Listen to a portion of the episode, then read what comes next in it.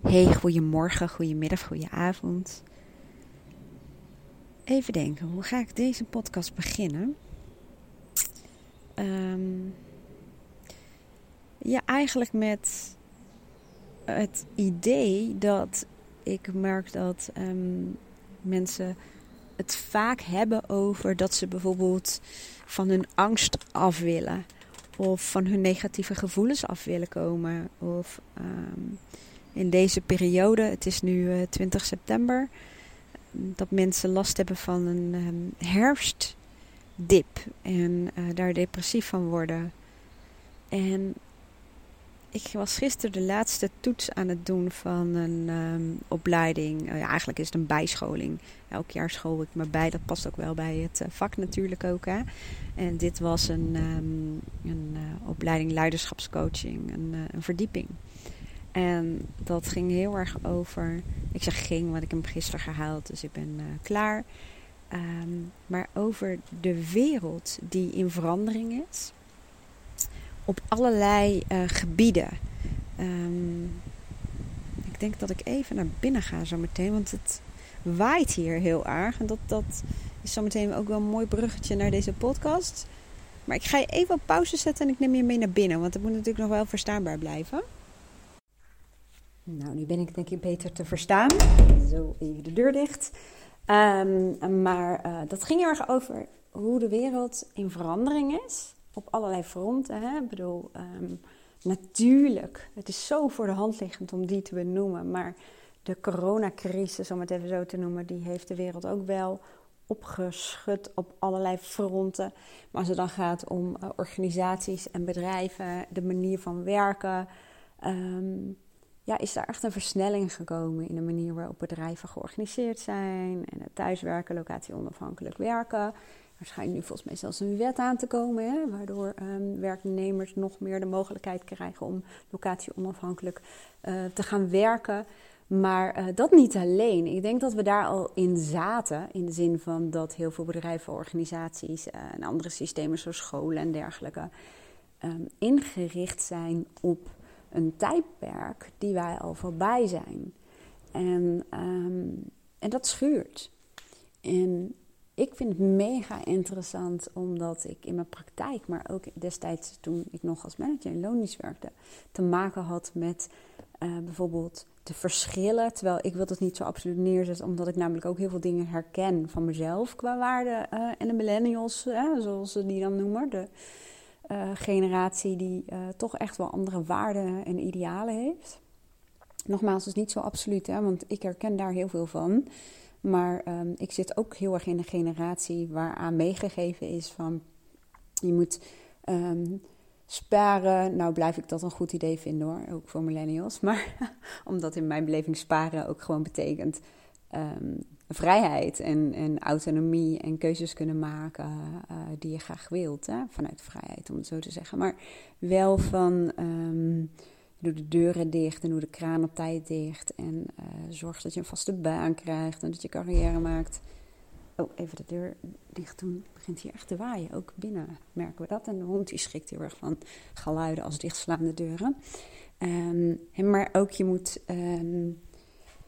ja, ik zeg wel eens voor de grap de kunst over kozijnen. Hè. Zorg dat je investeert in je huis en noem het allemaal maar op. Um, dat heb ik ook heel erg meegekregen. Van zorg dat je de boel op de rit hebt. En daar ben ik ook dankbaar voor dat ik dat meegekregen.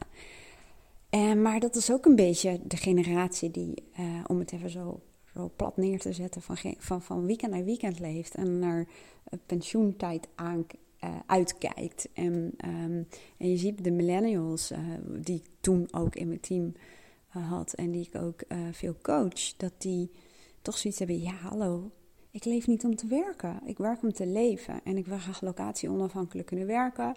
Ik wil reizen. Ik wil een betekenisvol leven hebben. En het werk moet zinvol voor me zijn. En ik zie vaak clashes tussen uh, generaties. Hè? De, de, de, mensen die zeggen, je hebt nog helemaal niks bereikt. En prinsjes. En het moet allemaal te makkelijk zijn. En ze willen niet meer dan drie of vier dagen werken. Maar um, ja, dat is wel waarin we zitten. En ik denk ook, wat zelf voor mij heel veel impact heeft gemaakt, is dat, nogmaals in mijn tijd als in mijn loondienstverband, ik werkte bij het kadaster en daar werkten, en nog steeds waarschijnlijk, mensen heel erg lang, soms 40 jaar of zo. Ehm, terwijl heel veel van die mensen, die kende ik, die elke dag opnieuw klaagden over het werk en de gouden handboeien waar ze dan vaak over hadden. Ehm, maar wat ik ook gewoon echt een paar keer heb meegemaakt, is dat mensen een afscheidsreceptie hadden voor hun uh, pensioen. En vrij snel daarna uh, overleden. En, en overlijden, overleden, overleden zijn. En um, ik heb ook mensen daarvoor gesproken die daar heel erg naar uitkeken. En alles op hadden gezet en gespaard en keihard gewerkt om met het pensioen te gaan genieten. En ik denk dat dat hem ook niet is. En daarom zeg ik, um, ik herken ook heel veel waarden en idealen die, die de millennials uh, meer naar voren brengen misschien. En ik denk dat mijn generatie, ik ben 48, dat heel veel mensen dat diep van binnen ook willen. En ze voelen ook de conflicten en de contrasten, maar zitten zo erg in de normen die meegegeven zijn. En, en hoe dan? Terwijl ik echt ook al heel veel mensen begeleid naar vaak een situatie waarin een vaststellingsovereenkomst wordt gesloten, omdat ja, het laatste stuk naar pensioen gewoon heel zwaar is. Hè? Mensen dan soms in een soort crisis komen en in één keer merken van joh, je leeft maar één keer het leven en uh, is dit het waard? En wil ik elke dag met, uh, met weerstand naar mijn werk gaan? Maar ik ga je zo vertellen waar deze podcast over gaat. Want hij gaat namelijk over paradoxen, tegenstellingen. En hoe kom ik er nou bij en waarom um, deze inleiding? Omdat ik dus merk, hè, ik ben even afgeleid doordat ik naar binnen uh, liep. Het begint echt heel erg te stormen. Stormen, nou ja, waaien.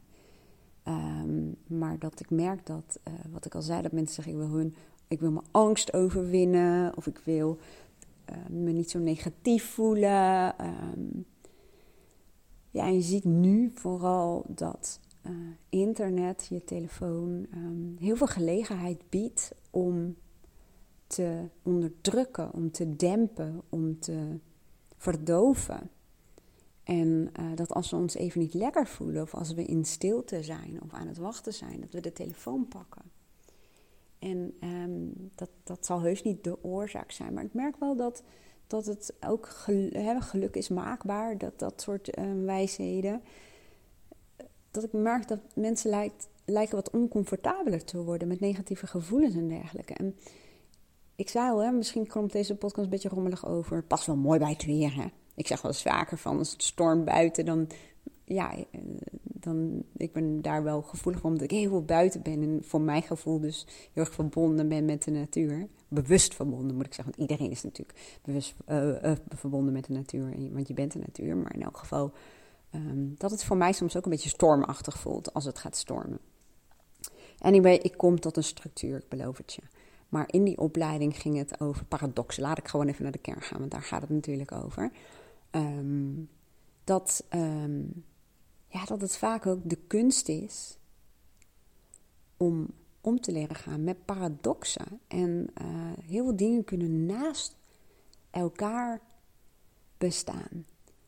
Wat ik daarmee bedoel, ik ga gewoon een aantal voorbeelden geven. En dan, um, ik weet niet of er dan nog een linkje is naar die opleiding die ik deed. En, hè, en voor bedrijven en organisaties, wie weet, misschien niet. Maar ik ga het eerste voorbeeld geven die uh, in mijn praktijk heel veel voorkwam. Nu minder, omdat ik um, op een gegeven moment dacht: nee, het is te zwaar voor mij om heel veel mensen met echt angstklachten of paniekaanvallen te coachen. Ik heb namelijk zelf een angststoornis gehad, heel lang geleden. En um, als ik voice dialogue doe met uh, die verschillende kanten, waar ik je zo meteen wel wat meer over ga vertellen, dan um, betekent dat dat ik letterlijk in gesprek ga met kanten van mensen. Klinkt gek. En het blijft misschien ook gek klinken als ik er zo over vertel. Eigenlijk iedereen die het uh, bij mij doet, zeg maar, die zegt: Ja, maar dit is niet uit te leggen. Dit is gewoon te bizar voor woorden. Je moet het ervaren. Als je het ervaart, ik wou zeggen ondergaan, maar dat is het niet hoor. Uh, maar dan merk je hoe, ja, hoe wonderlijk het is. Hoe je kunt je er een voorstelling van maken, dus zoals ik het vertel, dat je in gesprek gaat met een kant, maar je kunt het niet beschrijven hoe het is om dat te doen en om daarop terug te kijken. Dat is vooral wat mensen ook uh, zeggen. Maar um, met voice ook ga ik letterlijk in gesprek met de kanten van mensen die, uh, die ze bijvoorbeeld als negatief ervaren. Of waar ze last van hebben. Dat kan een innerlijke pleaser zijn die veel te dominant is. En die in de weg staat dat mensen nee kunnen zeggen, voor zichzelf op kunnen komen. Of die ervoor zorgt dat ze heel veel tijd kwijt zijn aan situaties en mensen die eigenlijk helemaal niet zo belangrijk zijn. En dat ze dat rationeel wel weten, maar dat deel is zo dominant. Nou, en datzelfde geldt eigenlijk voor angst. Dus als ik daarmee in gesprek ga, en vooral ik heb het nu even over dat deel angst, dan, um, ja, dat is een soort van, noemen ze een energetische uitwisseling. Dan activeert dat bij mij soms ook mijn angst. Die, uh, het, het is ook vaak spiegelen om echt contact te maken met een deel van iemand. Dat vraagt van mij dat ik op dat uh, level ga zitten. Daarmee bedoel ik, stel dat ik in contact ben met een kant van iemand, gevoel of intuïtie of hè? En ik ga dat doen met een kant van mij die heel rationeel is. Dat kan niet. Dat kan gewoon niet. Um, dat gaat niet. dat, dat, ja, dus ik stem dan af op delen mezelf, maar wel vanuit bewustzijn. Het klinkt misschien een beetje gek, maar ik ga niet in dat deel zitten, maar ik stem wel een beetje af op die energie op, op, op, van iemand. Nou, en je kunt je voorstellen als ik uh, bijvoorbeeld meerdere uh, voice dialogue sessies doe met mensen die heel erg angst ervaren of zelfs paniek. Ja, dan heb ik best wel wat werk te doen om mezelf daarna weer, um, ik noem het maar even, te neutraliseren. En datzelfde geldt andersom, want ik heb heel veel mensen in mijn praktijk die uh, heel erg vanuit het hoofd leven, maar een hele sterke intuïtie en gevoel hebben, maar daar niet bij komen. En als mij uh, dat samen met uh, de klant uh, lukt, en ja, dat lukt altijd, dat is het mooie van Voice Dialogue eigenlijk. Um, ja, dan kan er bijvoorbeeld ook heel veel enthousiasme komen. Um, ja, dat is het ook als ik bijvoorbeeld met iemands pusher spreek, dan wekt dat bij mij op dat moment ook een hele ja, hoge, wilskrachtige energie op. Dus voor mij betekent dialogue sessies bijvoorbeeld altijd werk. Voorafgaand dat ik daar neutraal in ga, doe ik trouwens voor elke sessie. Ook voor gewone oplossingsgerichte coaching. En business coaching, dat ook. Je, gaat daar gewoon bewust in, om het zo te zeggen. Maar als iemand weggaat, ja, dan zorg ik er ook voor dat ik um, ja, weer bij mezelf kom, zeg maar. En um, ik vertelde erover dat, dat ik dus niet zo heel veel angst uh, um, trajecten doe, om het even zo te zeggen. Maar als iemand dus zegt, want ik zei al van dat voorbeeld wilde ik aanhalen van ik wil mijn angst overwinnen, ik wil van mijn angst af, uh, dan, dan zeg ik heel vaak voor de grap, ben je hier met de auto? Nou, bijna iedereen is hier met de auto. En dan uh, als ze ja zeggen, zeg ik nou, uh, sorry, maar ik wil niet op mijn geweten hebben dat jij zo meteen zonder je angst in die auto stapt. Want dat is ook waar die paradox over gaat, hè? of polariteiten noemen ze het ook wel. Um, kijk, als je last hebt van angst, dan heb je daar vaak last van omdat het aan je stuur zit. Omdat het um, je bijna overneemt. Omdat het je in je lichaam gaat zitten.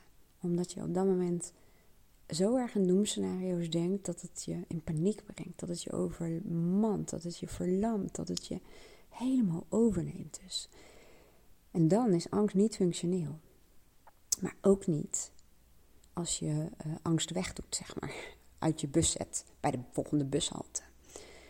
De kunst is namelijk om te luisteren naar de angst. Maar echt serieus luisteren, want dat doen we vaak niet. We doen er vaak van alles aan om onszelf af te leiden of um, aan andere mensen advies te vragen. En die zeggen dan vaak dingen: maak je niet zo druk. De kans is heel klein. Je moet het toch laten gaan. Of nou, whatever wat.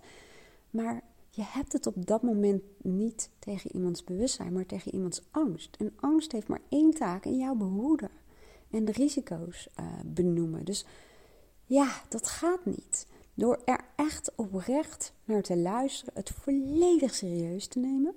En eens te kijken wat de functie is en waarvoor angst wil zorgen. Dan pas ga je werken met je kanten en je emoties.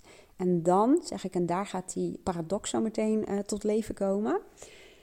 Het is dus niet een kwestie van, nou oké, we hebben angst gesproken. Ga jij maar weer achter in de bank uh, of achter in de bus op de bank zitten. Nee, dan is het de bedoeling wel dat het van je stuur gaat. Maar dat het er nog steeds mag zijn. Dat angst um, wel degelijk een goede raadgever kan zijn. Maar niet als het eenzijdig aan het woord is, zeg maar. En de kunst is om bijvoorbeeld vertrouwen ook uit te nodigen. Ik zeg vaak een soort symbolisch om die ernaast te zetten. Dat net als dat jij in de auto stapt, dan neem je angst mee en je neemt vertrouwen mee. En momenteel moet je misschien dan toch even een jas aan doen. Ehm, en die zet je allebei niet aan het stuur, jij zit aan het stuur. Maar angst is er om alert te zijn, om risico's in te schatten, uh, om scherp te zijn en aandachtig. En vertrouwen zorgt ervoor dat je daar met vertrouwen in zit, dat je um, ontspannen in de auto zit, waardoor je blik ook, blik ook verbreedt. En dat is het. En daarom kunnen heel veel dingen naast elkaar bestaan. En dat is die paradox. En um, het lijkt er een beetje op dat we door alle wijsheden die ons om de oren slingeren, geluk is maakbaar. Waar ik het uh, wel voor een heel groot deel mee eens ben, overigens. Maar um, dat wij heel veel ongemak en, uh, discomfort, is dat een, uh, een, een Nederlandse woord? Maar ervaren bij negatieve emoties. En hoe harder je gaat vluchten, of gaat afleiden of verdoven, hoe harder die delen in jou gaan schreeuwen. En dan merk je dus ook dat het vaak op een gegeven moment een soort van, ze noemen dat demonisch. Het is misschien een beetje een heftig woord, maar het verkraagt zoveel kracht, omdat er niet echt naar geluisterd wordt, zeg maar. Net als een klein kind waar niet naar geluisterd wordt. Die, die kan, die kan niet elk kind doen dat. De een trekt zich terug en de ander die, die, die gaat heel hard schreeuwen, maar het wordt steeds luider. En op een gegeven moment kom je, kun je er niet meer omheen. En ja, ik vind het zelf ook gewoon heel interessant. Ik vind balans altijd een beetje een jeukwoord. Maar ehm, ik denk wel dat dat een beetje de, de kunst is. Want ik ga je nog wat voorbeelden noemen. Ik heb er natuurlijk al één genoemd, hè? angst en vertrouwen. En ik weet niet of jij het herkent. Dat ehm, in sommige gevallen dat angst dysfunctioneel wordt, dat je daar last van hebt, dat het je verkrampt, in welke context dan ook. En dat je het weg wil, maar dat het niet lukt. En net als uh, ik heb een waarde, vrijheid en avontuur, dat zijn er twee, die hangen wel heel erg met elkaar samen vaak. Maar ik heb ook een waarde en ik noem dat autonomie. En dat heeft alles te maken met dat ik mijn eigen koers wil varen, zelf wil nadenken, mijn eigen beslissingen wil nemen. Um, zelf wil denken heb ik volgens mij al genoemd. Um, ja, bewust leven valt daar voor mij ook wel onder. Maar autonomie betekent voor mij ook meer dan dat. Autonomie betekent ook bij mezelf zijn, mezelf opladen, mijn alleentijd, um, reflecteren. Ja, oh, ja, nadenken, maar ook zitten. Het betekent ook gewoon af en toe lekker klungelen in huis. En, um, maar ook het thuis zijn. Ik, ik, uh, de, dualiteit, of hoe noem je dat? De, paradox is eigenlijk enerzijds heb ik heel erg de hang naar avontuur en reizen en nieuwe mensen, nieuwe culturen ontmoeten, ehm, andere plekken. En dat hoeft niet per se alleen met reizen te maken te hebben. Dat kan ook te maken hebben met. Um, ik schijn als heel klein meisje al af en toe. Ik had driftbuien, dat weet bijna niemand van mij, maar ik had heel erg driftbuien. Daar vertel ik nog wel een keertje over. Maar in elk geval dan werd ik een beetje driftig. En dan zei ik, ah, het is altijd hetzelfde. En we eten altijd hier. En altijd, weet ik veel, sesamschade of wat had je. De foutjes krant dat alles op hetzelfde moment was. En uh, voelde ik heel gesleur. En dan wilde ik gewoon op pad en op avontuur. En, en, en ja, net als dat ik bijvoorbeeld ook heel vaak hutten bouwde buiten. Terwijl dat was aan de ene kant dus avontuur. En aan de andere kant was het uh, veiligheid.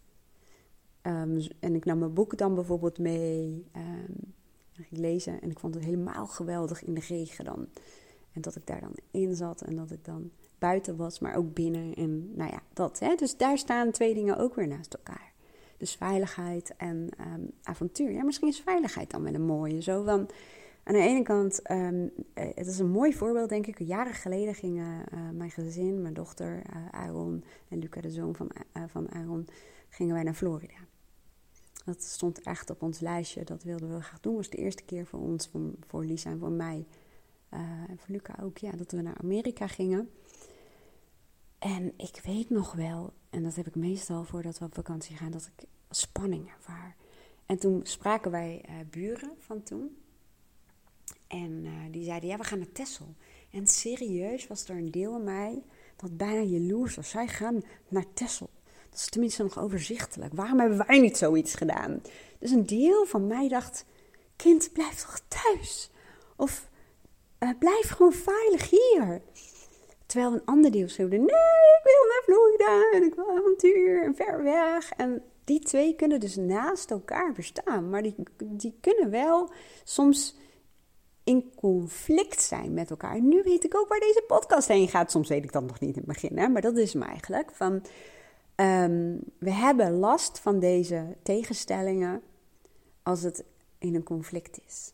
En de kunst van mijn coaching en van uh, de programma's van Mindshifters is om um, ja, meer in harmonie te komen, in, ja, in balans. Om dat conflict eruit te halen en te zorgen voor die uh, tegenstellingen. Want uh, dat heb ik destijds ook gedaan. Want het heeft niet zoveel zin toen om te denken, rationeel vaak. Wat een onzin zeg, ik heb dit al altijd en uh, het komt allemaal wel goed. En nee, dat werkt op dat moment. Op dat moment waren er behoeften die in conflict waren met onze geplande reis naar Florida.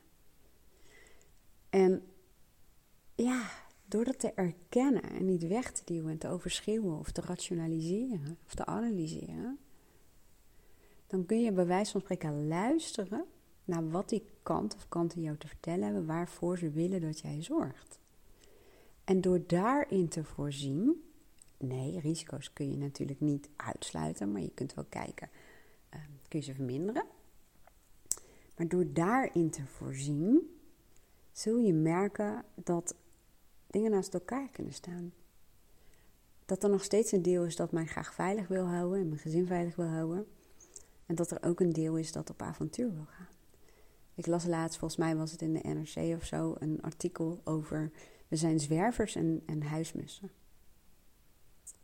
En uh, dat heb ik ooit gehoord toen ik uh, zelf hè, een angststoornis had. Ik heb daar heel veel aan gedaan. Ik heb daar wel meer dingen over opgenomen trouwens. Maar ik ben in die tijd ook bij een psycholoog geweest. En die zei ook van, het grappige is dat, um, ja, of je het nou wil erkennen of niet. Maar ze zegt, mannen en vrouwen zijn gewoon anders. En um, dat was ook in de tijd dat zij zei, jouw mannelijkheid is veel sterker ontwikkeld dan jouw vrouwelijkheid. Het is een heel stevig gespierd been, maar je vrouwen, vrouwelijke been, dat bungelt erbij. Um, dus dat liep parallel, zeg maar, in het traject. Maar uh, zij zei toen, vrouwen willen meer op het nest zitten. En zij zei ook van, als psycholoog reisde zij de hele wereld over trainingen en opleidingen. En ze zei, ik heb zoveel gezien dat vrouwen bijvoorbeeld um, uh, een kussen meenemen waar ze ook heen gaan. zelfs vliegen. En uh, ja, dat ze natuurlijk al zoveel gesprekken heeft gehad. En dat ze gewoon merkt dat vrouwen inderdaad dat gevoel van op het nest blijven zitten. nog diep in ons hebben. En dat, um, ja, dat we reizen. En ja, dat in ons systeem, in onze programmering ook zit om een nomade te zijn, op pad te gaan. Maar wel met de gemeenschap, om het zo te zeggen. En dat, dat, die, die paradox van um, enerzijds veilig willen zijn en anderzijds op avontuur willen gaan. Um, enerzijds um, je kind bij je willen houden en anderzijds uh, willen dat het op pad gaat. enerzijds vrijheid willen ervaren en losheid en anderzijds graag structuur en routines willen hebben. Ik heb namelijk, en dat is misschien dan een mooie afsluitende uh, voorbeeld.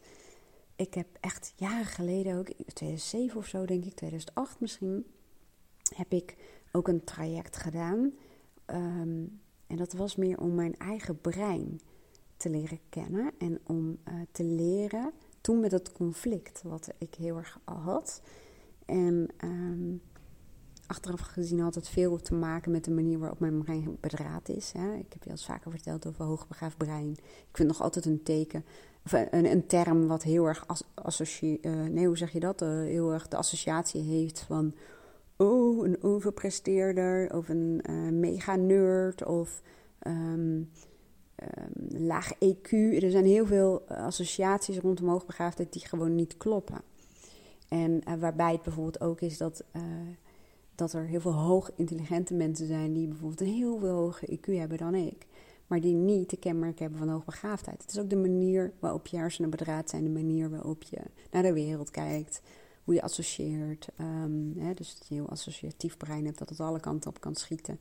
De diepte van denken en voelen, de hoge uh, sensitiviteit bijvoorbeeld. Um, een hele hoge mate van rechtvaardigheidsgevoel integriteitsgevoel. Um, nou, dat eigenlijk. En daar ben ik toen in getraind, omdat ik toen een hersenhelftdominantie-conflict had. En die uh, coach heeft mij toen um, heel erg geholpen. Dat was echt heel mooi.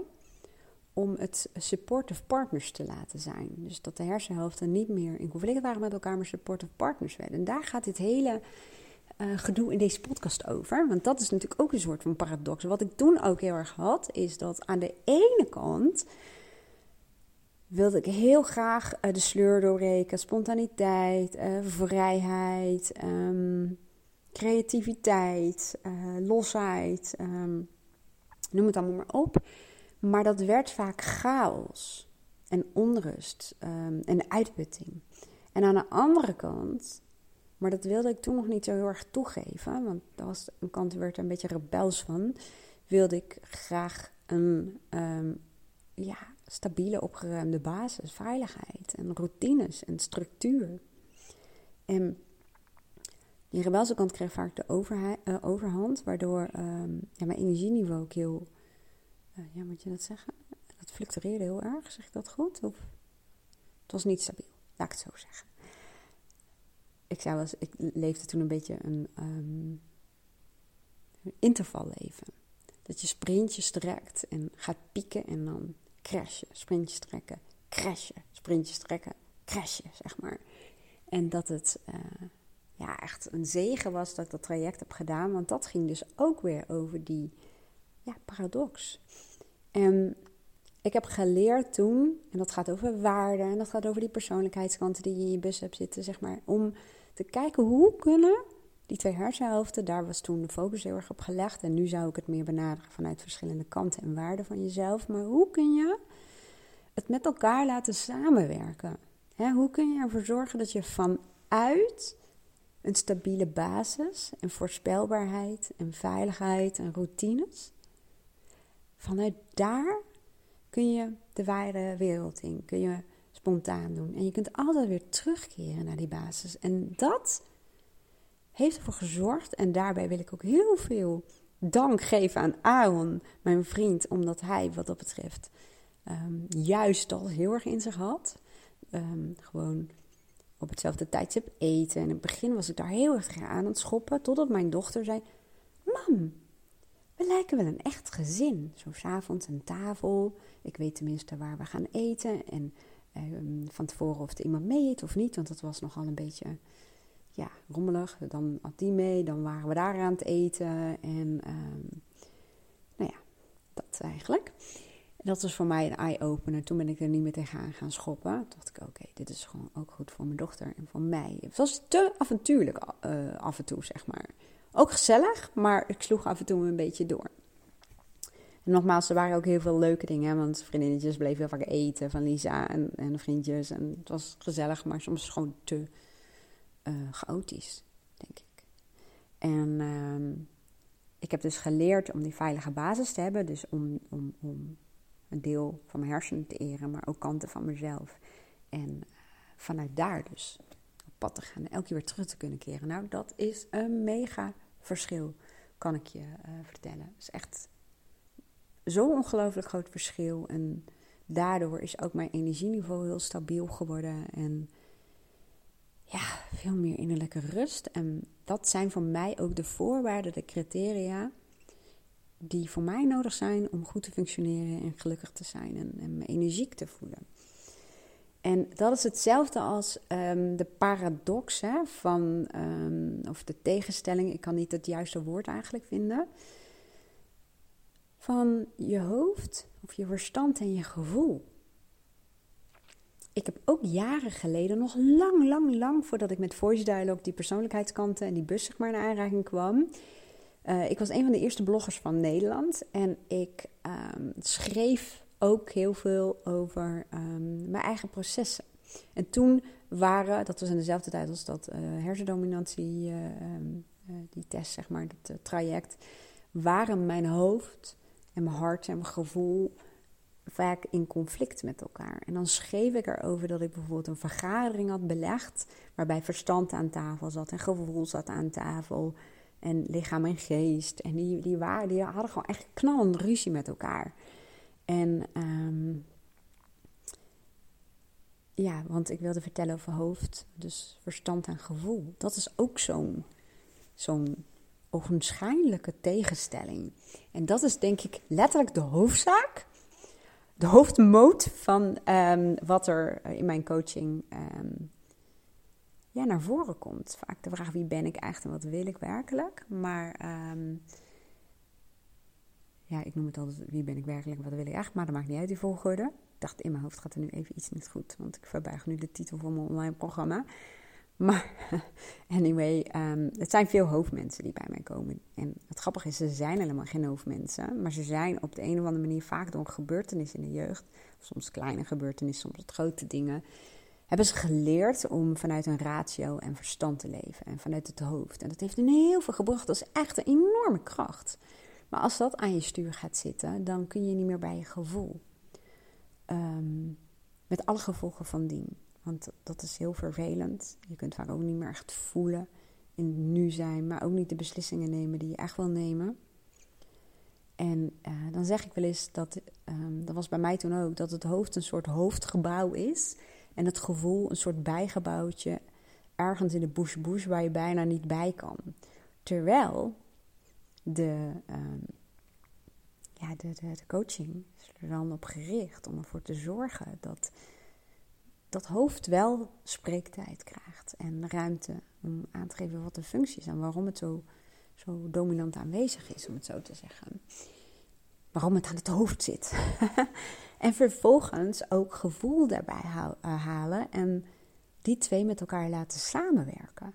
En heel vaak krijg je dan de situatie, uh, wat mensen dan beschrijven, dat, dat ze zo goed contact weer hebben met hun intuïtie en hun gevoel. En dat hun hoofd dan dienend is. En dat lijkt een onevenwichtig of een um, niet gelijkwaardige samenwerking. Waarbij het hoofd dienend, dat lijkt alsof het ondergeschikt is, maar dat is het helemaal niet. Um, want die twee kunnen niet zonder elkaar. Het, is, het hoofd is echt fantastisch. Maar met name is het fantastisch als je het laat samenwerken met je gevoel en met je intuïtie. En gevoel heeft allerlei um, ja, kanten ook. Gevoel kan zijn een innerlijk speels kind ja, gevoel kan zijn, um, kan ook verdriet zijn.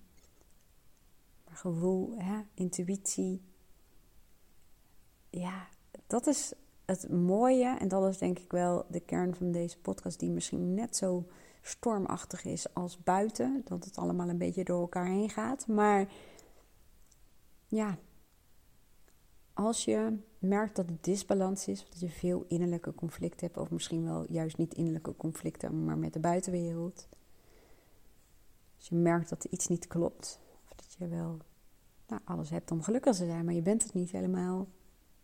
Als je merkt dat je mentale, fysieke energie of allebei niet helemaal lekker is. Of dat je merkt dat je vlucht voor gevoelens die er wel willen zijn. If you can If you can feel it, you can heal it, of zoiets. Um, maar daar ben je een beetje bang voor, want dan ben je bang dat er misschien een beerput open gaat. Of ja, als je merkt dat uh, bepaalde emoties of kanten te strak aan je stuur zitten en dat je rationeel er misschien tegen aan het vechten bent, maar lukt niet. Ja, weet dan dat heel veel dingen naast elkaar kunnen bestaan. En dat het de kunst is om, uh, ja, om dingen oh, het is een woord, maar als ik die ga zeggen, ga ik erover struikelen. Complementair, of in elk geval wat ik zei met verstand en gevoel. Als het gaat samenwerken, en dat vind ik het echt een mega mooie in mijn praktijk van de mensen hier die dan wegrijden. Als die bij hun intuïtie komen en dat hoofd als hun kracht ook blijven zien. Want ze hebben vaak een hele sterke intuïtie. Heel vaak is dat hoofd gaan werken vanuit angst. Vaak ook vanuit die intuïtie, omdat hij zoveel ziet en zoveel voelt en zoveel weet. En dat het soms zo in contrast is en soms zo weerstand oplevert bij mensen om zich heen. Of dat het soms aanwijzingen geeft van jij moet links. Ook al gaat iedereen rechts, of jij moet links. Ook al ga je al jaren naar rechts. Hè? Dat, sommige mensen zijn ook daar bang voor, om het zo te zeggen. En daarbij kan het hoofd gewoon een fantastische rol spelen. Alleen geen hoofdrol meer, om het zo te zeggen. Nou, ik hoop dat je er wat aan had. Hè. Het is bijna een beetje een filosofische podcast geworden. En ik probeer het even praktisch voor je te maken. Laten we dat even doen. Van, ja, stel dat je een aantal dingen wel herkent. En denkt, oké, what the fuck. Maar wat nu? Goed, ik ga even met je meedenken. Um, waar ik zelf echt heel erg veel aan heb gehad, is... Um, ja, ik ben natuurlijk opgeleid uh, als voice dialogue coach, maar Um, ik heb ook heel veel gelezen daarover. Dat moest van mijn opleiding, maar ik heb daar ook heel veel geleerd. Dus ik zal een linkje voor je hier neerzetten met um, boeken over voice dialogue. Dat is een linkje naar mijn boekenlijst, wendyborst.nl slash boekenlijst. En dan nog wel even hieronder. En dan hoef je maar een stukje naar beneden te scrollen en dan zie je een uh, titel, Voice Dialogue. En daar staan echt mijn aanbevelingen als het gaat om Voice Dialogue. En eventjes snel erdoorheen. Um, ik en mijn ikken dat is een beetje, ik noem het het basisboek, is super leuk geschreven. En heel veel mensen halen daar heel veel erkenning en herkenning uit. En dat is dus het principe wat ik vaak jat. Hè? Wat ik zeg, die bus, hè, dat voorbeeld wat zij uh, gebruiken. Um, thuiskomen in jezelf. Van Hel en Sidra Stone. Dat zijn de grondleggers van uh, Voice Dialogue. Dat, is, dat gaat echt wel dieper. En dat gaat ook over instinctieve uh, kanten van onszelf. Ehm, de innerlijke criticus ontmaskert. Mega. Die zou ik je ook echt aanraden. Nou, dat, dat zijn even de toppers voor mij. Uh, ik heb heel veel meer voice boeken gelezen hoor. Maar ook natuurlijk meer vanuit de coachperspectief. Dus ik weet niet of dat wat voor jou is. Maar als je zegt, nou, ik, ik hou ervan om te lezen, dan um, zijn dat wel echt aanraders. Um, als je zegt, ja, lezen is leuk. Maar ik wil wat meer dan dat.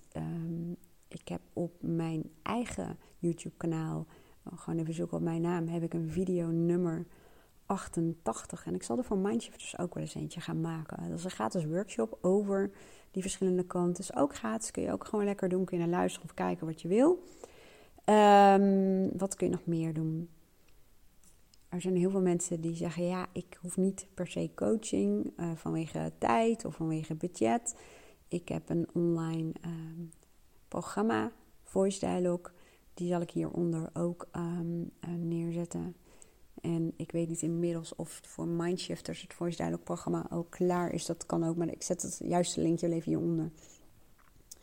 Um, ik heb een plug-in guide gemaakt over nee kunnen zeggen, voor jezelf op kunnen komen. Dat heel erg gaat over die waarden waar we het even over hadden. En um, een kant, de pleaser, die vaak een hele grote rol speelt in het leven van mensen. Die heb ik ook. Dit is echt een hele lage prijs, de plugin uh, guide. En ga zelf de eentje om rust in je hoofd te krijgen. Um, maar als we dan kijken inderdaad naar wat kun je met die tegenstellingen uh, doen. Ja, het online programma. Dat kan, um, ja, of, of uh, google eens even op Voice Dialogue Coach of Voice Dialogue Facilitator noemen ze dat officieel. En um, kijk gewoon naar iemand, misschien ben ik dat wel, maar misschien iemand anders waar je echt een klik mee voelt. En uh, ja, doe zo'n sessie. Met één sessie kun je al heel veel inzicht krijgen. Ja, ik denk uh, dat dat wel is waar ik je hopelijk een beetje mee weg kan helpen. En dan wil ik er nog eentje met eentje afsluiten. Die vind ik eigenlijk wel heel mooi. Als we kijken vanuit voice dialogue, dan zeggen ze vaak: je potentieel zit vaak achter in je bus.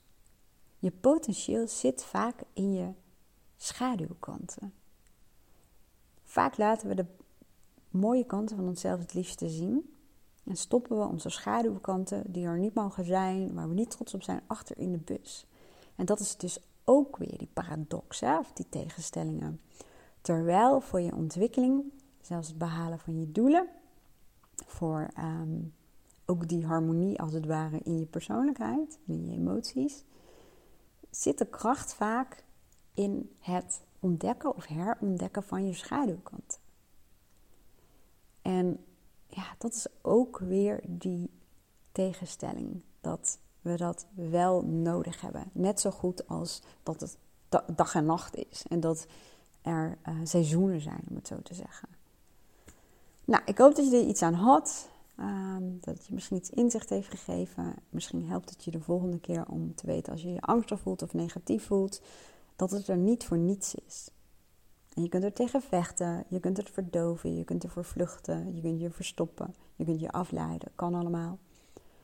Maar um, mijn ervaring met mezelf, mindshifters um, en mijn klanten is dat als je er oprecht naar gaat luisteren, nieuwsgierig bent, erkent dat het er is en weet dat het een functie heeft, ja, dan ga je mooie dingen ervaren. En merk je ook vaak dat emoties die jij als negatief bestempelt, blijven minder lang hangen. Dat is ook logisch, omdat het niet meer nodig is. Als jij ernaar kunt luisteren, dan hoeft het niet meer zo dominant bij wijze van spreken aan je stuur te gaan zitten. Nou, nogmaals, ik hoop dat je er wat aan had. Laat ons even weten wat je van Mindshifters vindt, wat je van onze podcast uh, vindt. Misschien heb je al één of meerdere plugin guides uh, van ons gedaan. Dat zijn um, ja, verdiepende podcasts en video's, maar dan um, betaald. En we proberen de prijs zo laag mogelijk uh, te houden om het zo toegankelijk mogelijk voor iedereen te maken. Maar daar zit de structuur in en de verdieping dat je ook echt iets kunt veranderen. Dat je er ook echt um, praktische handvat aan hebt. Dat je problemen die je ervaart ermee kunt oplossen. Dat je meer ontdekt um, wie je bent, wat je werkelijk wil en hoe je dat dan doet. Maar dan op zo'n manier dat je niet opleiding, cursus hoeft te doen en heel veel opdrachten moet doen. Maar dat het lekker luistert zoals je naar een podcast luistert. Maar er zit een structuur in, er zit een opbouw in en er zit een volgorde in, waardoor je bewustzijn verandert en je gedrag gaat veranderen. Nou, kijk gerust even in onze shop. Daar kun je ze allemaal vinden. In ons uh, navigatiemenu, zeg maar, op mindshifters.nl. Dan zie je vanzelf plugin guides staan. Ik wens jou een hele mooie dag en heel graag tot de volgende podcast.